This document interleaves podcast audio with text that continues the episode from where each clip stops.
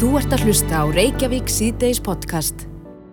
Jæja, konudagurinn á sundaginn. Já, þetta er stór helgi fyrir okkur, okkur konur. Já, þetta er hausverku fyrir marga karla. Er það? Já, Já. eða maka, ég vil ekki segja maka. Mm. Já, maður á ekki bara að fylgja hértan eða hvað, en, en við erum alltaf að koma með konu hér sem getur gefið okkur mjög góð ráð. Mm Mhm. Ábyrð þín er mikil, ásaninna, þú sér um makamál og vísi, þú ert hérna í bakarinn og lögatunum og veit ekki hvað, hvað. Þú veist allt um hvernig á að gleða Er konur. það, er það. Ég veit allavega eitt, að, Kristoffer, þetta til dæmis, við viljum ekkert að segja hausverku fyrir ykkur. Nei, Þannig að ég er svolítið verið að tala fyrir því að ég held að uh, við erum algjörlega búin að missa sjónar því um hversi dagar snúast og um, við erum búin að láta ykkur önnur öll ráða heldur en grunnöflin sem eru ást og romantík og kærleikur sko. erst að tala um markasöfli. Já, og kannski líka bara hraðan og þessa samfélagslegu pressu að, hérna, og þessi viðmið, hvað ámar að gefa fyrir mikið, hvað, hvaða pakkar er í bóði, hvað hefur hæfa að gefa núna og allt þetta. Mm -hmm. Meðan að grunnurinn er einfallega, sko, sá að þú þarft bara að þekkja makaðinn. Og, e, og ég held að við kannski þórum því ekki og kannski, og ég er alveg segum það líka, að vera bara svolítið hreinskilin ræða þetta einhvern tíman í sambandinu. Hver er þína væntingar til konundagsins? Mm. Mjög góð punktur. Af því að þetta er sko, um, ég kaup mjög oft blóm, mér elska að kaupa mér blóm. Mér finnst það gert endilega að, að kærasti minn þurfa að tikja eitthvað box, mér finnst það ekkert endilega ógíslega romantíst, veitir þið, að hann bara fari, bara sína ferð næstu því á einhverju færibandi og bara tjing, klikk, blóm, mm -hmm. veitir af því að það er það sem við eigum að gera. En mér finnst það gaman að fá blóm. Þetta er svolítið svona, það sem ég er að meina er að hvað finnst makanum skemmtilegt? Langar hann kannski bara í aðeins auka stund meira mótnuna þar sem ég færi saman í morgunkaffi og þú ert búin að panta e, eitthvað eða þú, þið færi saman e, á te og kaffi og báku kaffi saman og þú kaupir andinu köku. Mm. Gefa semst frá hjartanu, er það... Já, sko, gefur á hjartinu, en líka bara, ég er ekki að segja að getum ekki gefið gjafir, ég er ekki að segja að það sé ekki frábært, það er líka alveg frábært, ef að makiðin er fyrir það og því langar að gefa hann gjöf, en ekki, makiðin vil aldrei að þú fáir hausverk yfir því að gefa honum Nei. eitthvað Ok, þannig eða að þér líði illa yfir því. Ég get eiginlega alveg, þú veist, við viljum það ekki, við viljum, við verðum stundum pyrraðar, konur og pyrruð. Eh, ég veit það alveg, því við höldum líka að þið, þið lesi hugsanir okkar. Það er kannski líka gallin hjá okkur. Ég hef alveg staðað með því líka, ég bara skilða ekki stundum að maður minn lesi ekki hugsanirnar mínar. Eh, í staðis að bara tjá þér, viti og, eh, og, og við erum í staðis að hinda eitthvað veist, bara mér finnst, mér finnst hlutins persónulega, mér finnst vola gaman að fá gjafir en ekkert endilega til að tekja einhver box, veit þið en bara þegar, þegar ég finna, hún finnst gaman að gefa mig gjafi líka og finnst gaman að, að, hérna, að finna þær. Og það sem, það sem að, ég held að flestir flestir við slegelt er það þegar að það er eitthvað svona konudags mótróa röskun í gangi viti, bara eitthvað ég er ekkit, þú veist þegar kalla að segja mér finnst ekkit gaman að, gaman að blómum akkur ætti ég að gefa blóm eða ég er ekkit fyrir svona daga. Nei.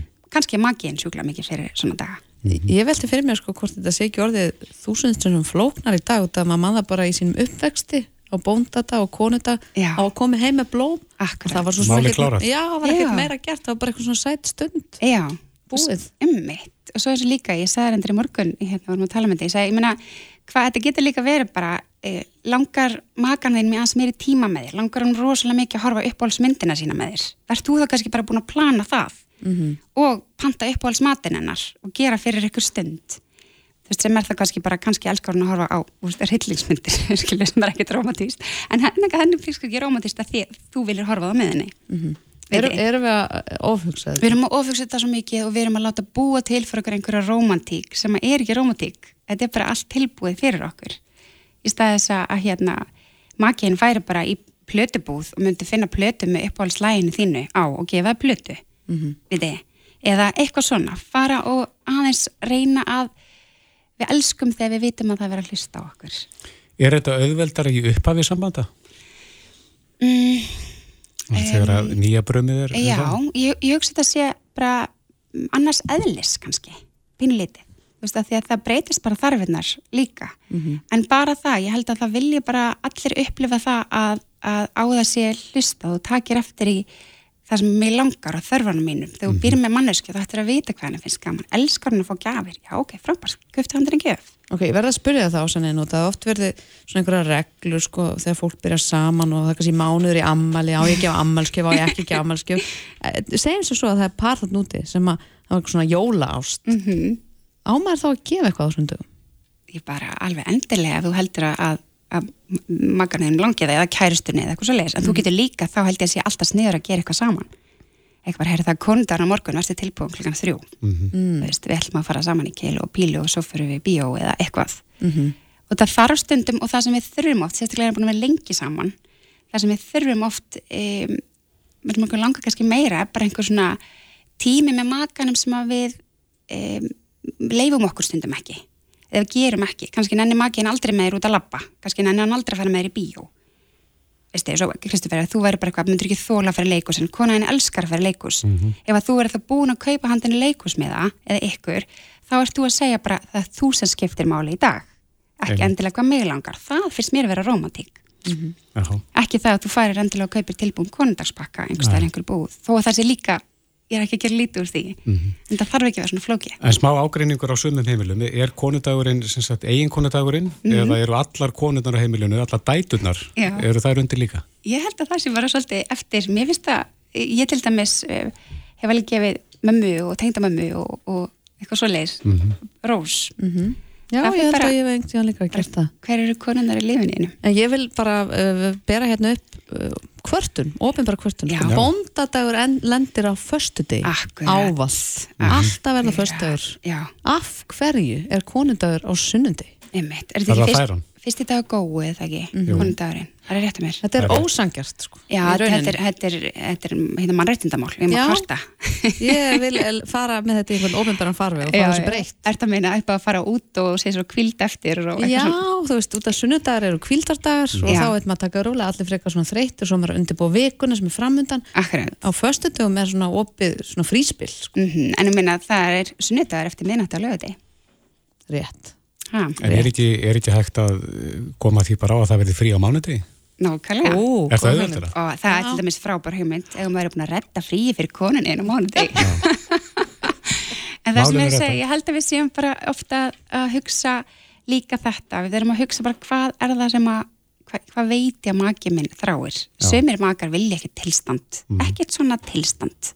Og meðan aðrir eru þar? Meðan aðrir eru þar og aðrir eru líka svona oft bara þú veist að kannski þráir það að þú horfur ekki svona mikið á sjónvarpið eða þú horfur ekki bara hvað langar henni með ykkur? Já.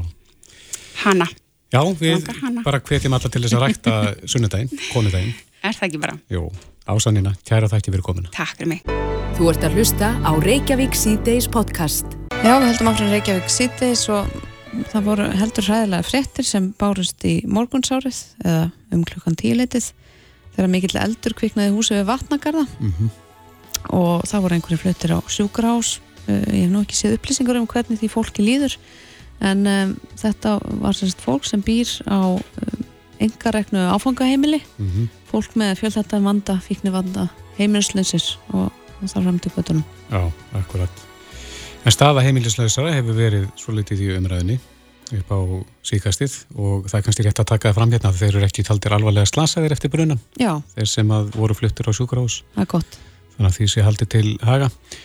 En málefni heimilislausra hefur verið svona háværari upp á síkastið mm -hmm, heldur betur. Og til þess að ræða við okkur aðeins um stöðu þess að hóps er komin hinga Sanna Magdalena Mörtudóttir borgarfulltrúi Sósélstaflokksins. Velkomin. Takk fyrir. Þetta er nú sá hópur, eða einn af þeim hópum sem að því Sósélstaflokknum hafið uh, barst fyrir. Það mitt að tryggja hérna, húsaskjól bara fyrir okkur öll og áfangaheimileg er mitt hugsuð þannig að þú getur komið þangað inn þá eftir til dæmis hérna, meðferð, uh, áfengismeðferð eða vegna výmöfna og áfangaheimil eru gætna nefnitt hugsu til þess að hérna, ná utanum þig í þeirri stöðu og stýðja þig og þannig að það er bara mjög sorglegt að sjá það sem að gerðist núna í dag mm -hmm. að, að þetta sé staðan og er rauninni eins og ég sé byrtingamind bara af þeirri stöðu að það er uh, það vantar greiðlegt magna af húsnaði og það eru langir bygglistar bara hjá Reykjavík og Borg eftir alls konar húsnaði og það er líka langi bílistar eftir meðferð þannig að ef þú vilt fara í meðferð þá þarf þetta að býða lengi. Ef þú vilt fá stuðning og aðstóð vegna um, emitt uh, fíknar þá er það mjög erfitt. Þannig að það er einhvern veginn eins og öll þessi grunnkerfi samfélagsins sé ekki til staðar. Og í þannig aðstöða þá náttúrulega sjáum við að, að hérna, manneskjur er að leiði eitthvað á dýrt. Já, við sáum það í frétt á vísi að þarna var að tala um tveggjamanna herbergi 140 krónur á mannin sérst 280 krónur fyrir. Emitt, það er gríðarlega há uppæð mm -hmm. fyrir húsaskjól og hérna, já. Er það sérst þannig, fólk kannski vil leita sér hjálpar, einmitt, vil fara í meðferð, vil standa á einn fótum og fá aðstofið að vera virkur samfélagstegn en lendir þá bara á einhvers konar vegg? Einmitt eins og við skoðum bygglista hjá Reykjavíkuborg sem er með uh, mismunandi bygglista eftir húsnaði að þá eru 64 manneskjur núna að býða eftir húsnaði sem að þá hendar þeim sem að eru skilgrendi sem heimilslösir og þarna inn er áfangaheimili og aðra tegundir af uh, húsnæði. Þannig að það er mikill svona vandi í þessu er að það er bara ekki til húsnæði. Þannig að þú kannski emitt uh, óskar eftir hjálp og segja bara núna er ég á þessum staði lífinu en þá er ekkert sem að grýpur þig að tekur á móti þér. Þetta er uh, að því að nefndir þessa uppað sem að kostar að leia þetta smáhísi pláss þar Er þetta dýrasta leigan svona með að við fermetraverð í borginni? Já, ég held það svo sannlega. Við erum að tala um sagt, smáhísi á Granda sem að Reykjavíkuborg sér um og 25 fermetra smáhísi, fermetraverði þar er um 3900 krónur og hérna við sáum sagt, að íbúar þar voru að greina frá því að það hefði ekki verið hiti. Og mm. núna emitt það er mjög kallt úti. Og það hefði verið vandamál með hitan þannig að það á sérst að greiða svona hátt verð og færði ekki eins og sko fullnegandi um, í rauninni að sé ekki verið að mæta þínum þörfum inn í húsnæðinu sjálfu, það er náttúrulega ótrúlegt. Og ég hef verið að heyra og, við sósalistar hefum fengið margar ábendingar um ímislegt sem að varðar bara samskipti við borgina, að það sé ekki verið að svara eiröndum, það sé, það sé mjög erfitt í rauninni að fá uh, lausn og fá viðgerð og hlutinni sér lagar þannig að það er bæðið þetta háa verð og svo samskipta vandin mm -hmm. uh, Vandar húsnæði eða er eh, hluta vandamælinu sá að þegar við erum að ræða þennan málaflokk að þá vill enginn hafa þessi úrraði í bakgræðin hjá sér? Emitt, uh, eh, ég myndi segja að bæði eigi við. Um, við sjáum náttúrulega bara að það vantar húsnæði, við sjáum að það eru bygglistar í rauninni allstæðar hvort sem að það er almennt félagslegt leiguhúsnæði eða húsnæði sem er hannað uh, utanum í rauninni mismöndi þarfir þeirra sem að þurfa húsnæði, húsnæði að halda. En svo hefur líka komið fram þegar það verið að velja staðsetningu smáhísa að nágrannar eða íbúar í hverfum eru rauninu ósáttir við þetta og veginn að þetta geti verið slæmt að koma smáhísum fyrir uh, í nálag þá við einhverju þjónustu en ég meina við þurfum öll heimilið, það er bara greiðlega mikilvægt og við erum náttúrulega bara alls konar þannig að við þurfum að hafa emmitt hérna, húsnæði til staðar í öllum hverfum borgarinnar sem að hendar meðsmöndi þörfum og að sé þá veittur stuðningur inn í húsnæði inn á heimili þegar að þess er þarf. Mm -hmm.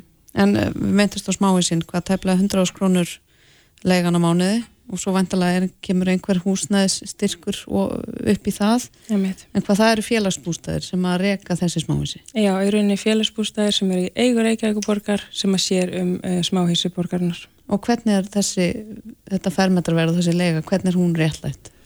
Ég emittlaði fram fyrirspurn á fundi velferðarás núna á meðgutæðin og spurði bara hvernig þessi tala væri fengin út og var þá að miða þetta saman við í rauninni leiguversgrunn félagsbústað fyrir aðrar íbúðir þar sem fermetraverðið er miklu lægra.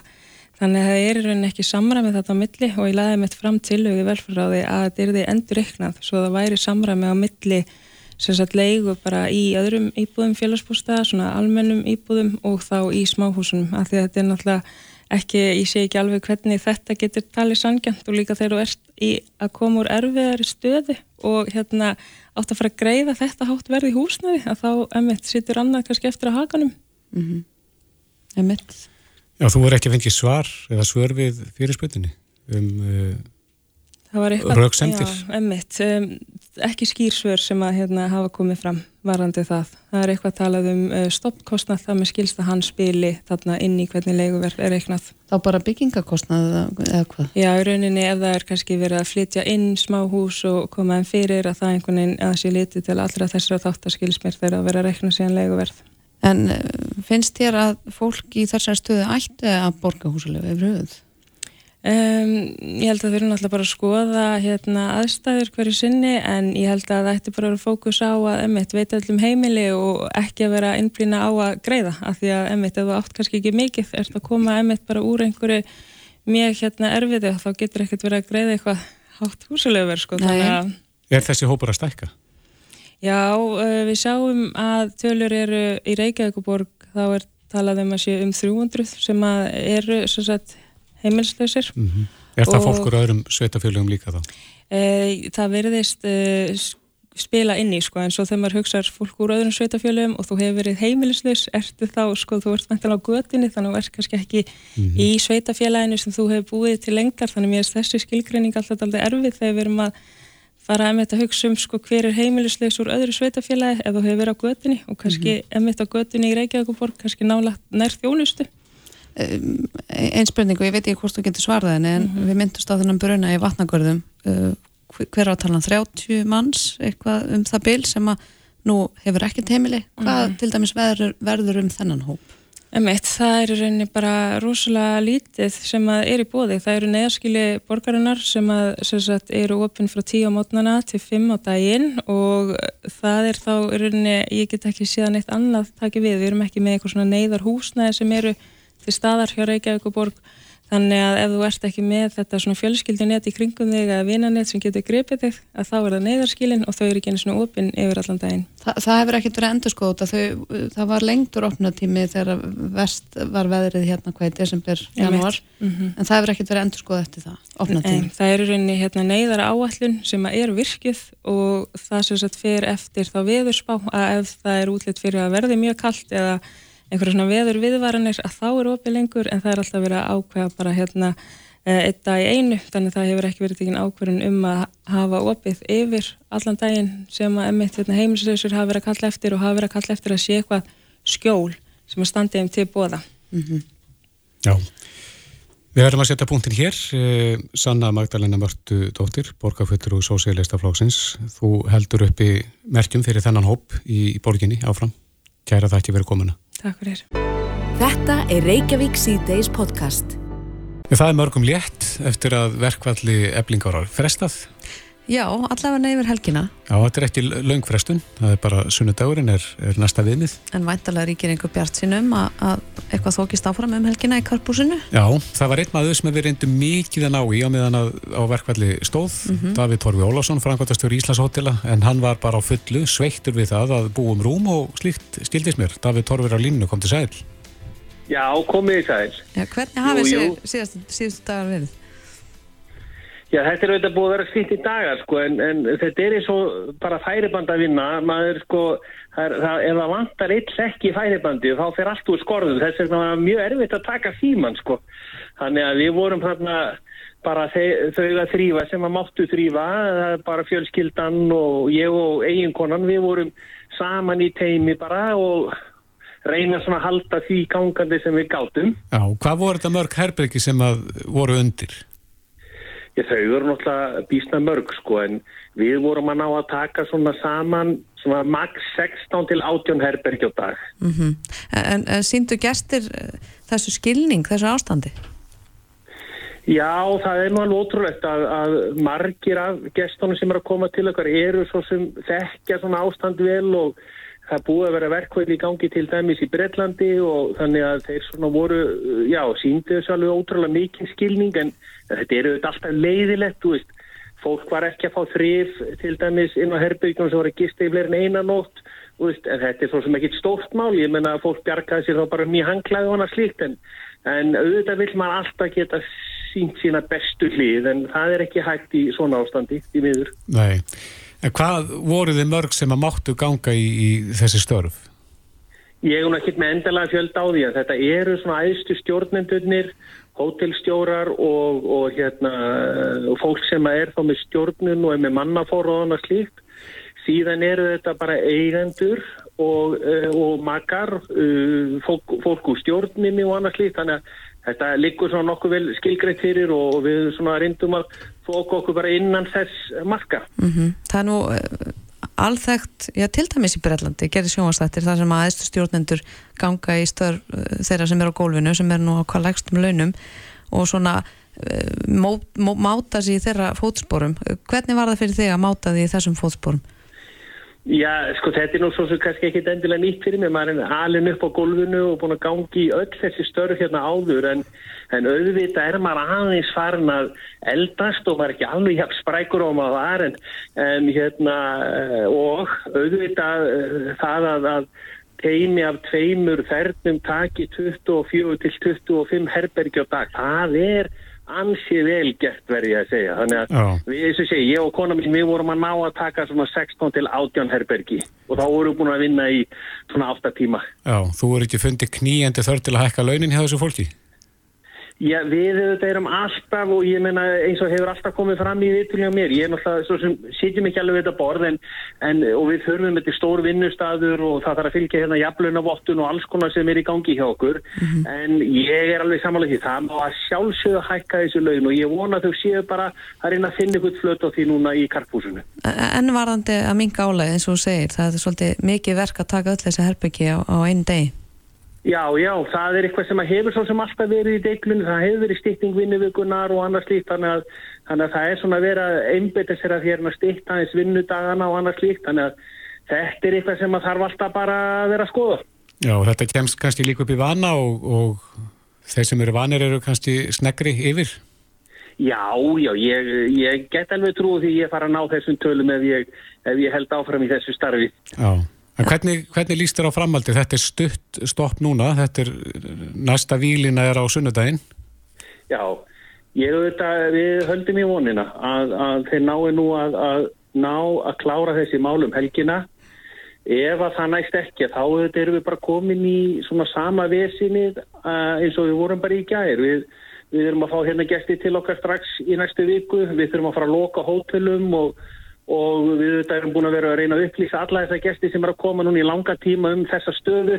Við veitum að það eru margir sem bóka eftir floknum bókunarleðum í gegnum milliliði. Það er ekki víst að þeir fá allar þessar upplýsingar þannig að, þannig að við erum ennþá því miður bara úst, svolítið óvíst sko hvað að þessu fólki myndi koma og hverju þeir að breyta prönunum síma og annars lít þannig að Þannig að, þú veist, ef að það næst ekki að semja um helgina, þá erum við bara komin í sama vesinni, sko. Á hvaða tímapunkti þurft að fara að loka hótelum? Við vorum að byrja að loka fyrsta hótelum í háttegin í dag, var planið sér satt, og, og svo þremur hótelum á morgun. En það lagaðist og við auðvitað náðum að hika því öll til og þannig að það er ingen lendininn um vandraði núna um helgina en, en, en eins og segja, ef það næst ekki að semja þá erum við bara að fara að taka upp lokanir aftur á mándaginn. Mm -hmm. Þið eru stór keðja og staðan er nú kannski önnur út á landi er það ekki, það sem er ekki yfir á það svæði eblingar. Hefði það verið í myndinni að, að færa bara fólk yfir á önnur hótel, annar staðar á landinu? Já, já, sjálfsögðu fyrir þá sem eru tilbúinir í það. Við erum með hótel hérna í Borgarfyrðinu, Fosshotel Reykholt og svo erum við í Stikkisólmi og svo við á Suðuströndinni, uh, Jökulsálóni og Núbum og fleiri stöðum. Þannig að þetta eru þetta alltaf aðeins rask fyrir fólkið að komast uh, og ná ekki gist í Reykjavík. Það eru margir sem að á þessum tíma sérstaklega er að koma hinga til lands og eru í Reykjavík og gera svona út dagferðir frá Reykjavík. Þannig að það hefði verið svona riðilag bók, hérna, bókunum hjá þessu fólki en, en, en sjálfsagt einhverju til í það. Já, var eitthvað byrjað að afbóka? Voru gestir byrjað að afbóka hjá gistingu? Já, já, við höfum bara leiðum við sendum út brefi í byrju, byrju vikunar að þá hérna, þá var fólk strax byrjað að huga því að bara fara að koma sér fyrir á öllur hótel og og uh, hópar sem að bókuðu sér bara í, í nærlingjandi sveitafélögum og annars líkt sko þannig að, þannig að já já það, það er búið að vera hellinga á, á bókunum. Já, en þú ert búin að vera á fullu á samt þínu fólki í hótel þernu hluturkonum helgin framöndan, ætlar að nýta tætja fyrir að slaka á? Já, já ég hafði hugsað verið að gera það að reyna, fara bara út í góða göngu og svona, þannig að það væri bara fínt en En við erum þá bara klárið að fara í þennan slag aftur í næstu viku ef það svo byrjundir. Já, getur náttúrulega eftir heima, bara skipta rúmunum heima? Já, ég, ég, við höfum verið að deila þessu með okkur í okkunan að við förum í heimilistörfum bara og það helgir fyrir það líka. Það er kannski komið bara með nóg af því? Nei, nei, nei, nei, þetta er bara eitthvað sem maður þarf að gera bara. Já, mm, já þá segjum við bara góða helgi, Davíð Torfi Ólafsson, Frankóttistur Íslandshótela og takk fyrir spjalli. Takk sem við leiðis. Þetta er Reykjavík C-Days podcast. Frábært á fyrstu degi uh, þegar klukkan er hálf sex. Já, og við ætlum að, að snú okkur að taumur ótengdum greinum samt ekki einhvern veginn. Nei. Uh, Jóhannes Þór Skúlason, framkvæmdastöri samtaka ferðarþjónustunar, er komin ykkar til okkar. Velkomin. Takk fyrir. Við ætlum nú að kannski byrja því að ræða eins um stöðuna í ferðarmannanbaransanum við, hérna, hann búið að fresta verkvöldum yfir helgina. Já. Hvernig lest þú í stöðuna núna? Var þetta léttir þessi frestun? Já, það er auðvitað léttir þegar að verkvöldum er frestaða sjálfsögðu og uh, ég var í, og búin að vera í sambandi við, við fósfarsmenn þessara hótela í dag og, og þau eru náttúrulega bara mjög ána með það að vera ekki í hinnu ástandinu. En það er allir að náttúrulega búa sig undir það á meðan ekkert annað frettist að þetta hefist aftur á minnati á, á aðfara nátt mánudags. En eh, við náttúrulega auðvitað á meðan að fólk situr við og er að tala saman þá er alltaf einhver von. Mm -hmm. en eins og kom fram hjá sátta sem er það náttúrulega er, er hansi svona langt á milli sem er náttúrulega ástæðan fyrir því að við erum komin í þessa köku alla En hvernig meitir þú þessa frétti sem að berast frá karpúsinu? Það er svona þessi léttar yfir fólki? Já, já, ég held að fólk sé bara allt þar inni ánægt með að vera í sama húsinu að tala eitthvað saman sko mm -hmm. Um, ég held að það segi kannski lítið um það sem er í raun og verið að gerast innan dýra það er hérna uh, það er verið að reyna eflust alls konar fletti en svo verður við bara að sjá hvaða frettir koma því og, og hérna, þeir, það verður ventir að tilkynnt er eitthvað gerist mm -hmm. Hvaða tímamörkur er gefin? Það er sunnudagurinn? Já, verkvallinu er frestað fram að, að minnum við á sunnudag, sunnudagskvöld Hvernig verður þá næsta vika ef að samningar nást ekki? Já, hún verður náttúrulega bara mjög svipuð og það sem við vorum farin að sjá teiknast upp núna fyrir helgina um, við höfum verið að taka saman í dag óska eftir upplýsingum frá hótelum um svona hvað er vona mörgum gestum í næstu viku og það er ansið mikið mér sínist að, að hérna þetta séu e, svona í kringum já þetta er um það byrjum 5.000 gestir á dag sem er að koma til landsins og á þessum hótelum þá er þetta þá nokkur, nokkur þúsund eitt upp í þrjúðúsund manns einhverstaðar sem sem að eiga gistingu panta á þessum hótelum svona í þessari viku. Er fólku upplýst um það ástand sem það er að koma í? Og þannig uppsapnað er þetta einhver tölverð, tölverð mörg, mörg þúsund mann sem eiga uppsapnaða gistingu en við erum náttúrulega búin að vera líka að horfa á það fyrirtækin eru í náttúrulega þjónustu við fólk. Og það gleymist undir mjög þess að ferðarþjónustun er sko, þjónusta við fólk. Mm -hmm og það er bara líkil þáttur í þessari starf sem að vera í góðum samskiptum við kunnan og þess vegna eru þau búin að vera núna e, baki brotnurinn að hafa samband við fólk koma þessum e, aðstæðum áleiðist til fólks. En það er mjög mikilvægt að, að muna það og ég hef aðeins orðið varfið það að fólk haldi að það sé e, hljóti að vera búið að ná í alla. Það er e, eitt sem sagt er og, og annað allir fylgist með. E, e, og annað að, að við séum að reyna að tromma upp einhvers konar ræðslu við þetta. En málið er bara að það er bara líkil þáttur í rekstri þessara fyrirtækja. Að vera í góðu sambandi við gestina og upplýsa þá veita þeim góða þjónustu. Og þannig að það er búið að reyna allar leiðir í þessu í ferlum sem er orðin mjög vel smörður eftir faraldurinn mm -hmm. en það er svona komið það mér svolítið á óvart að sjá til dæmis núna fyrir í dag aðstóðar lögustjóru höfuborgarsvæðisins e, fara mikinn á morgumblæðinu og tala bara um að þetta hefði bara ekkert gerst eins og við séum bara að reyna að ljúa þessu á fólki sko. mm. uh, en staðan er bara einfallega þannig að minnstakosti, já, ég hugsa um 50% af bókunum á þessum bara svona til að útskýra hver, hver vandin er að hluta uh, að um 50% af bókunum á þessum hótelum sem umræðir uh, mörgum hverjum eru hérna og bara almennt á hótelum og höfbrukarsvæðinu eru í gegnum þessar bókunar síður Booking, Expedia og allt þetta mm -hmm hótelin fá ekkert tölvupostföngin hjá þessu fólki eða síman. Það er bara gagn sem að þessi fyrirtæki sapna saman og halda mjög vel að sér. Þau get ekki einu sinni sendt fólki, gestunum, hérna, e-mail í gegnum þessi fyrirtæki nema gestin hafi sérstaklega samband við. Þannig að þar er bara engin leið til þess að ná í þetta fólk og það hefur því miður ekki verið þetta að treysta á mörga þessum fyrirtækjum til þess að gefa góður upplýsingar. Þannig að það er bara einfallega ránt hjá aðstofa lauruglu stjóra höfuborgarsvæðisins að annars vegar þá hljóti bara búið að vera ná sambandi við alla, það bara er ekki hægt mm -hmm. Og hins vegar að það siti bara allir á internetinu allan daginn að skoða hvort það eru verkvöld á Íslandi. Það bara eru ekkit allir jafn tengdir á Ísland bara eins og mann geta skoðað bara í gögnum. Minna, stór hluti þjóður er ekki eins og með sko, svona farsíma bara með einhverja gamla og alls konar, menn er ekkert á internetinu allan daginn og öllu mörguðum Íslands. Þannig að, að hérna, ég vildi bara svona koma þessu aðeins að, að, að leiðri þetta, mér finnst það bara já, mér finnst það bara ábyrðalessi að lauruglunni að vera að, að setja þetta fram þessum hætti, þetta er bara ránt mm -hmm. Þú varst búin að minnast á einhvers konar fjöldahjálpa miðstöð Var, var eitthvað búið að útfæra slíkar pælingar? Nei, sko, við, við höfum ekki kallað eftir fjöldahjálpa miðstöð, bara svo það sé á hreinu. Við höfum bent á að það sé raunverulegur vandi sem geti myndast og við höfum sapnað saman upplýsingum, við höfum komið þeim til almannavarna og við höfum verið í í sambandi við almannavarnir fyrri vikunni ég síðast rætti við þau núna í fyrradag uppfæri, ég gerir ráð fyrir að uppfæra þau núna um helgina um hver staðan er e, bara þá varðandi fjölda fólk sem er að koma áætlaðan fjölda þeirra sem við teljum að sé e, erfitt að nái og sé líklegt að komi. E, afföllin eru samkvæmt reynslulega lítil þegar eitthvað svona kemur upp á. Og hérna kannski 10-15% gesta sem ekki koma. Þannig að, að Eh, þetta snýst fyrst og fremst um þessa gesti sem er að koma. Eh, þegar hótelið lokar þá eru þeir sem eru á staðnum. Mm -hmm.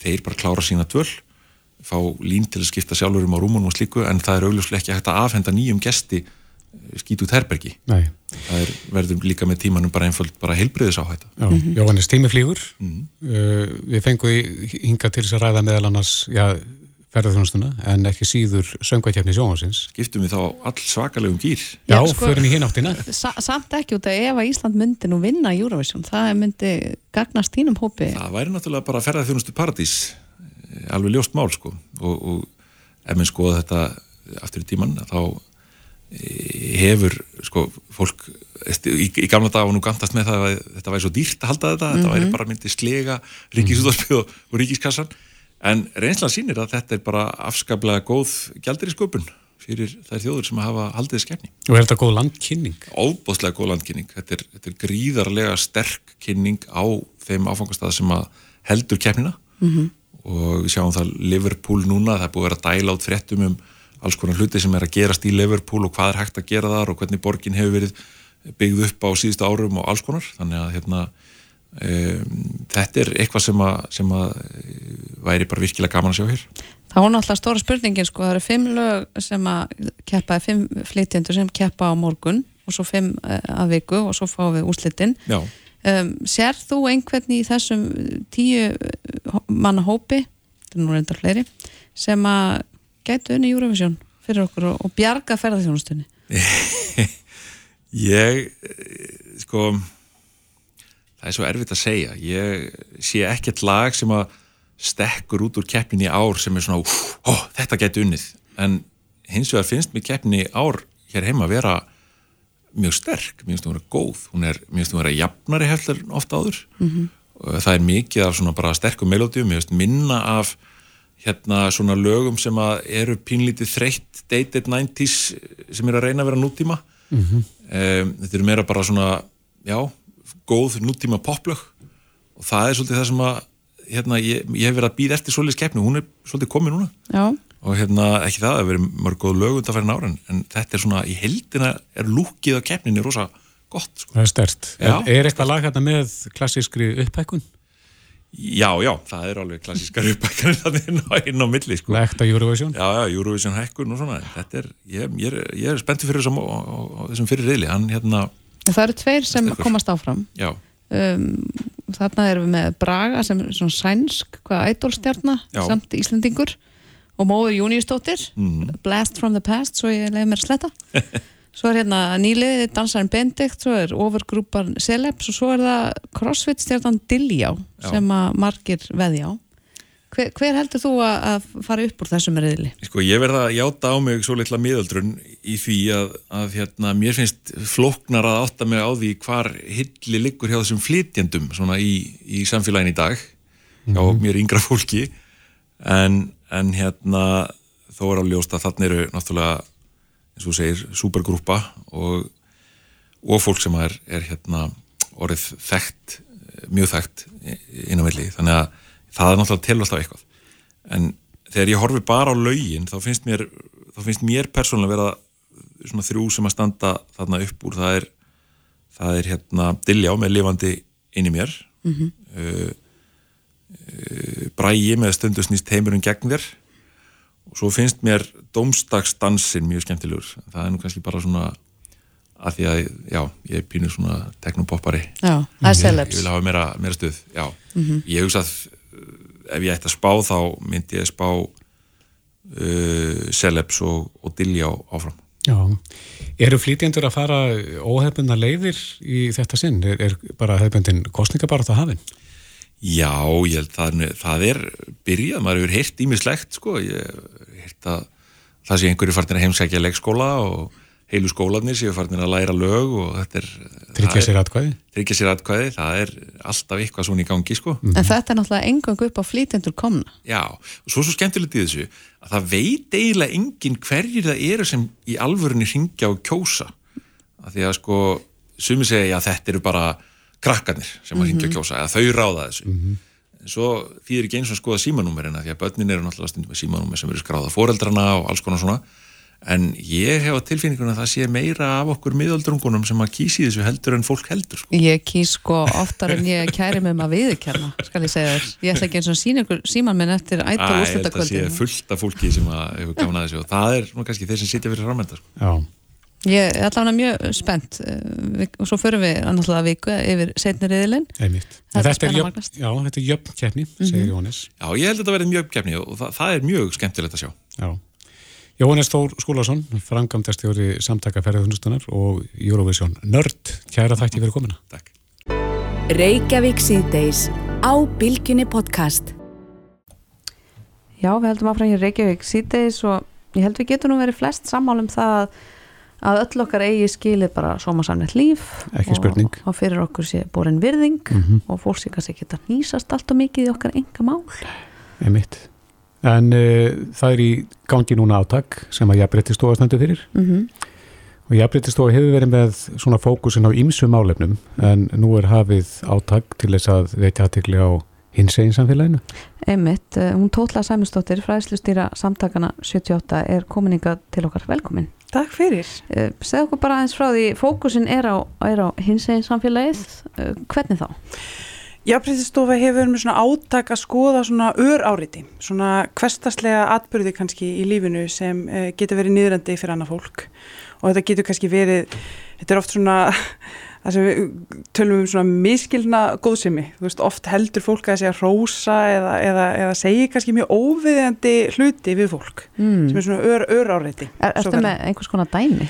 einhvern svona dæmi um, eitt af mínu uppáhald sem ég lendi stundum í uh, var hérna uh, þú lítur ekki út fyrir að vera lesbía Mm. Heppin þú, þú ert, svo, ert með þetta. Og þetta áttu einhvern veginn að vera hrós. Ég áttu einhvern veginn að taka til mér sem hrós að ég liti ekki einhvern veginn út fyrir að vera svo sem ég er. Út eða væri einhvern veginn ekki stereotýpa af uh, típunni sem ég ætti að vera? Er þá stereotýpa af lesbíu að hún sé ekkit sérstaklega myndaleg? Ég veit það ekki sko. Ég veit ekki hver, hvernig þetta á að, hérna, á að vera hrós. En þetta er svona, er svona hlutir svona ægi, til dæmis uh, eitt sem ég heyrði um daginn var hérna e, þú, þú, það, það bölva svona myndalegu maður sér hommi. Einhvern veginn, það er svo leiðilegt fyrir okkur konurnar að, að þessi myndalegi maður sé hommi og við hefum ekki séns. Mhm. alls konar svona hlutir, svona skrítni hlutir sem fólk segir.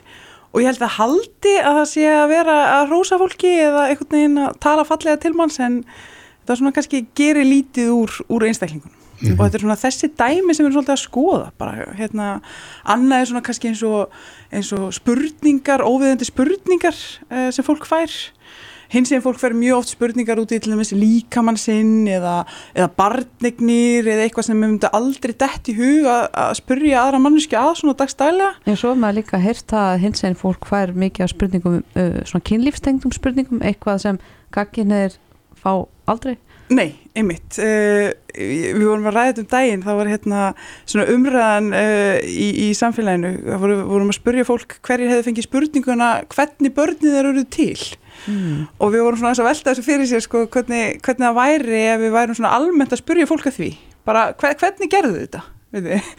það væri svona mjög stótt skemmtilegt að snúa þessu við bara svona fyrir kannski sís þá sem er ekki trans og, og, og gagkinni það ef þið myndi velta þessari spurningu tilbaka Mm. Hvernig Þetta- myndi það hljóma? En þetta þarf ekki að vera illa meint. Nei, það er einmitt mál, máli. Við erum kannski að benda á uh, hluti sem fólk telur almennt ekki illa meint Mhm. eða ætla sér ekki að, að meina neitt illt en kannski átta sér ekki á því hversu óviðjandi spurningarnir eru.